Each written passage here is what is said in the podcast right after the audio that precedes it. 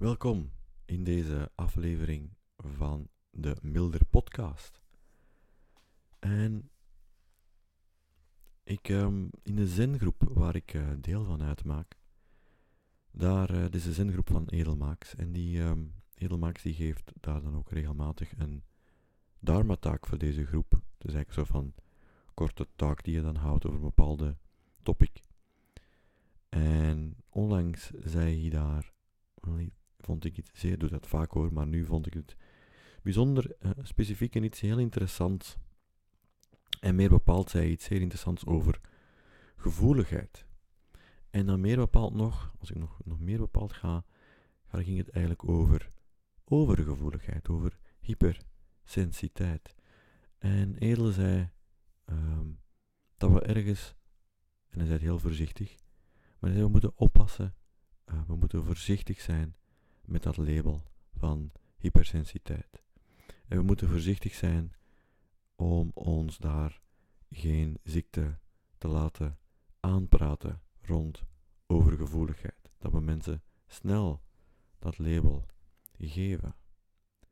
Want, zo zei hij, de vraag is of sommige mensen te gevoelig zijn, of is het zo dat de anderen niet gevoelig genoeg zijn voor wat er in hun omgeving gebeurt.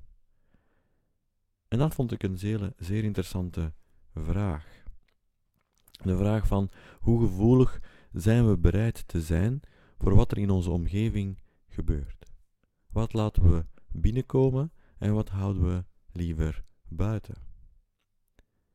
Of is het zelfs zo dat we misschien onszelf liever helemaal afsluiten?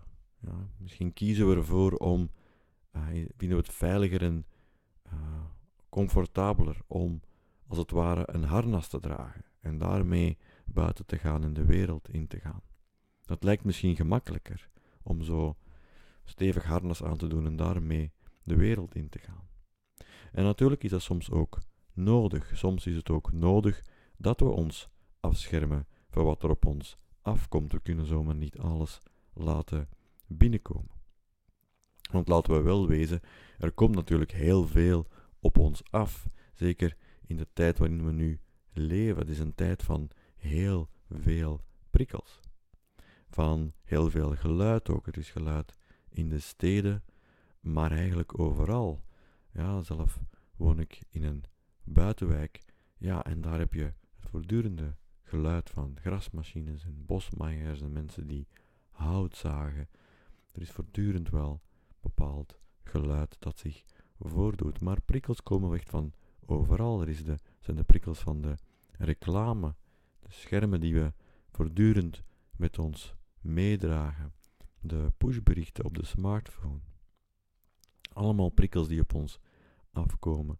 Ja, als we als mensen even moeten aanschuiven, zoals tegenwoordig moeten we nu soms wachten om binnen te mogen in de supermarkt of in een winkel omdat er te veel mensen binnen zijn, dan wordt onmiddellijk de smartphone uitgehaald. Het is niet zo dat we dan gewoon even staan te zijn, als het ware. Nee, we halen de smartphone uit en dan komen er opnieuw prikkels binnen. Berichten via sociale media. Ook slecht nieuws dat we voortdurend gepresenteerd krijgen. En dan krijgen we er ook nog eens het gescheld bij in de comments. Ja. Gescheld eigenlijk op een nooit gezien niveau, vind ik dan zelf, maar dat is dan een ander thema misschien. Maar goed, dat, dat zijn wel dingen die dan op ons afkomen.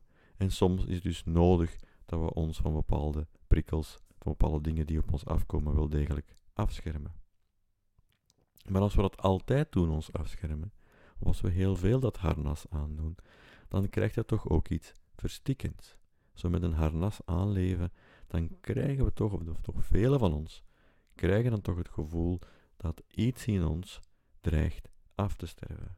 En dat datgene wat dreigt af te sterven, binnenin dat harnas, in die kokon, dat het eigenlijk ook wel iets wezenlijks is dat datgene wat geen adem krijgt iets belangrijk is in ons, dat eigenlijk niet kan overleven omwille van dat harnas. En zo krijgen we toch wel het gevoel, in elk geval ik krijg het gevoel, maar ik merk ook wel dat er al mensen zijn die het ook hebben, dat we niet in zo'n harnas kunnen blijven leven, omdat het harnas natuurlijk verbinding in de weg staat. En verbinding hebben we als mens nodig.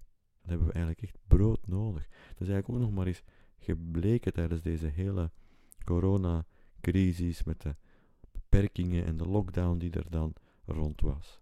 En dat we dan toch op een bepaald moment echt dat contact met de anderen begonnen te missen. En dat we die andere, die verbinding met die anderen ook heel erg nodig hebben. En het punt is natuurlijk dat verbinding altijd vraagt, erom vraagt eigenlijk dat we ons openstellen. Op bepaalde mate ga je je toch moeten openstellen, want zonder die openheid is er natuurlijk geen verbinding mogelijk. En dus dan is er die vraag van hoezeer zijn we dan bereid om ons open te stellen.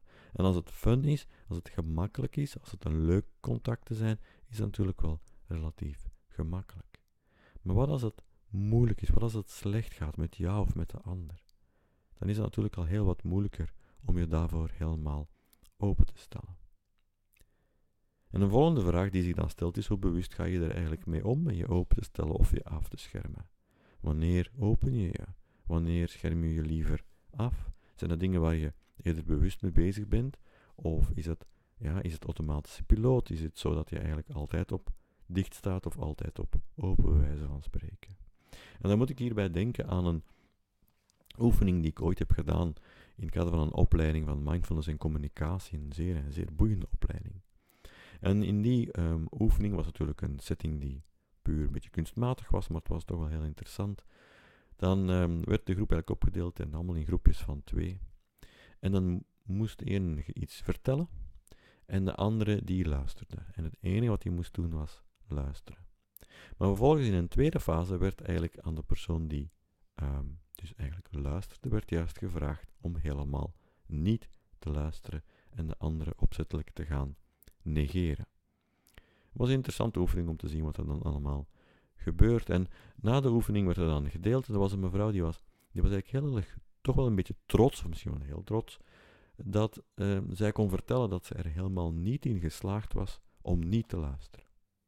Ja, ze zei van, kijk, ik kon dat gewoon niet. Ik, ik, ik moest gewoon luisteren. Als iemand iets vertelt, dan luister ik gewoon. Ze zei van, kijk, ik ben zo betrokken en ik wil zo de mensen helpen dat ik wel moet luisteren. Dat zag ze wel als heel positief. En er is natuurlijk ook iets heel positiefs in, om zo heel betrokken op de wereld te staan. Maar daarop, um, dat was een opleiding van Edelmax, daarop zei Edel van, ja, maar hoe ga je je dan beschermen als er dingen zijn die je liever niet binnen wil laten komen? Wat ga je dan doen als er dingen gezegd worden, gedaan worden, die je eigenlijk toch wel heel erg kwetsen en die je misschien buiten wil houden?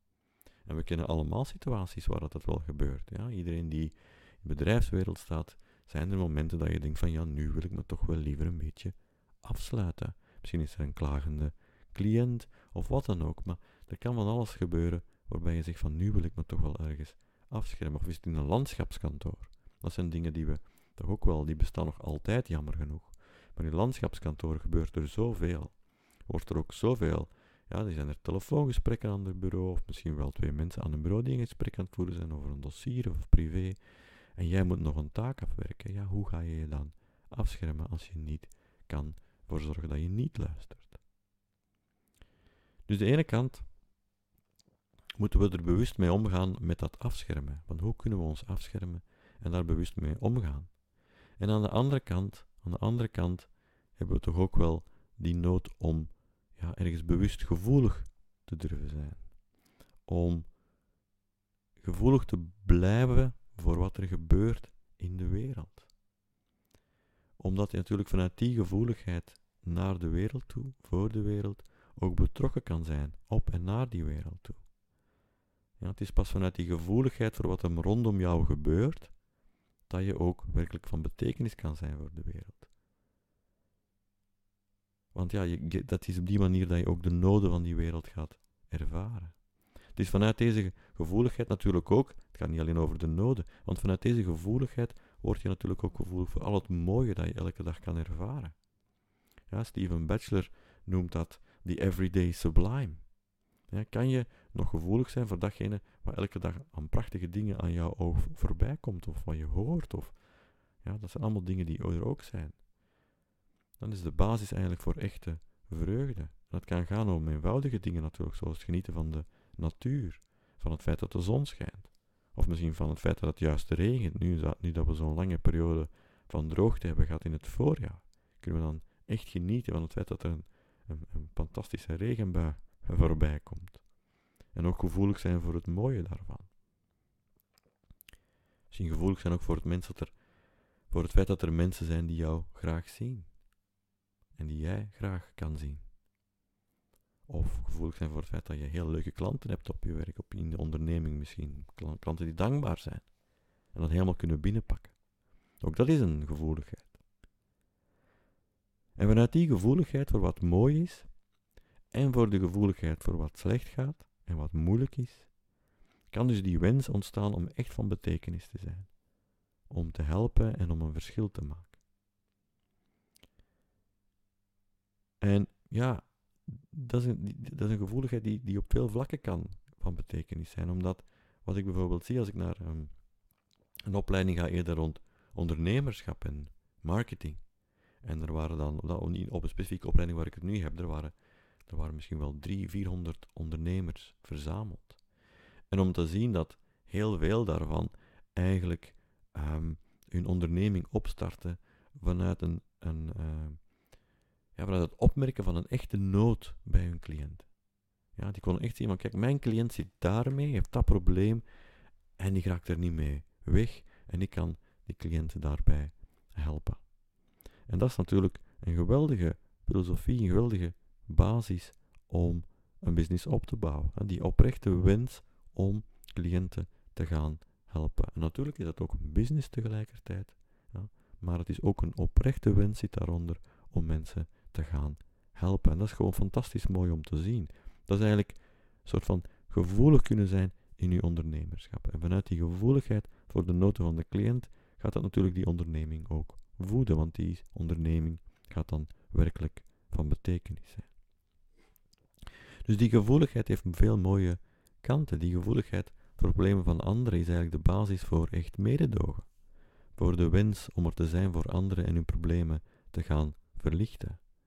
En de uitnodiging is dan om dus van die gevoeligheid voor de problemen van anderen niet te gaan weglopen, maar erbij aanwezig te kunnen blijven.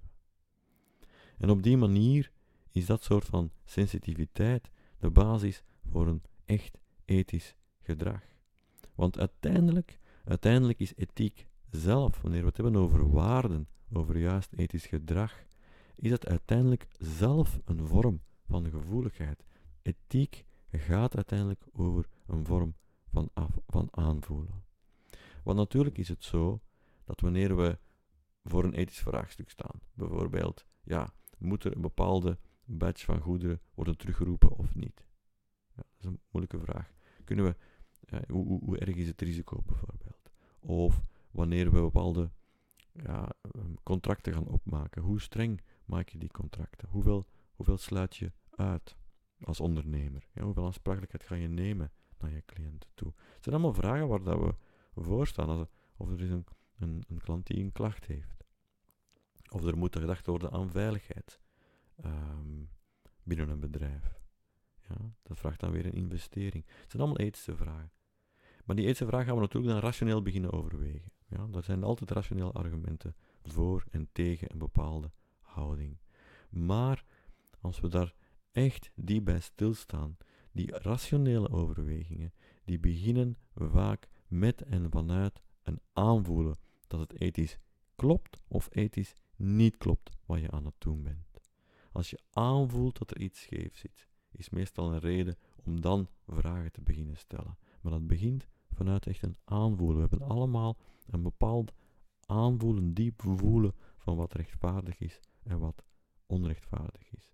En de rationele overwegingen zijn dan vaak nuttig om te zoeken naar manieren waarop het beter of anders kan, zodat het voor ons beter aanvoelt.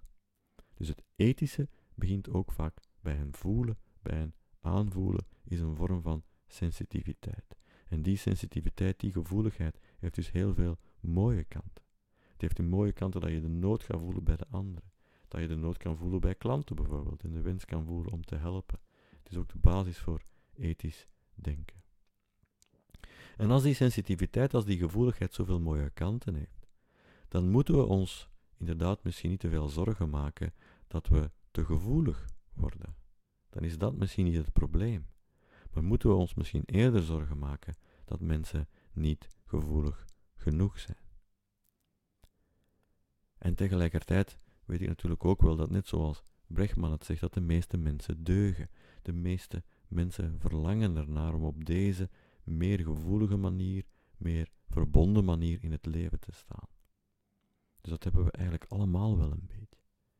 Maar dan is het tegelijkertijd natuurlijk ook heel erg lastig om te doen, om zo open en gevoelig in die wereld te staan en betrokken. Dat is gewoon heel erg lastig en het kan ook heel erg moeilijk en heel erg groot binnenkomen. En dat vind ik zelf ook wel. Ik vind het ook heel erg lastig. Ik slaag daar zeker niet altijd in, tegendeel zelfs. En daarom dat ik ook blij ben met zoiets als meditatie. Dus meditatie is voor mij iets, om, iets waar ik steeds naar terug kan keren. Omdat ik daar aanwezig kan zijn bij die moeilijke dingen, bij die moeilijke emoties, bij die lastige dingen. En dat ik daar niet, niet van wegloop, maar aanwezig bij kan blijven. Daarmee vertrouwd kan geraken hoe dat, dat voelt. En hoe meer ik daarmee vertrouwd raak, hoe meer ik vertrouwd raak van oké, zo voelt het om, om open en gevoelig en kwetsbaar te durven zijn. Hoe meer ik er ook in slaag om dat effectief te doen in het dagelijkse leven. En natuurlijk ook, ja, ook te leren van hoe voelt het dan om af te sluiten en kan ik dat dan ook inzetten. Maar ook, ja, dat, dat het trainen om te zeggen oké, ik moet me toch minder afsluiten. Ik durf vaker dat harnas af te doen, zeg maar, en op zoek te gaan naar een echte verbinding en om echt verbonden te zijn en er zo op die manier vaker te kunnen zijn voor de ander.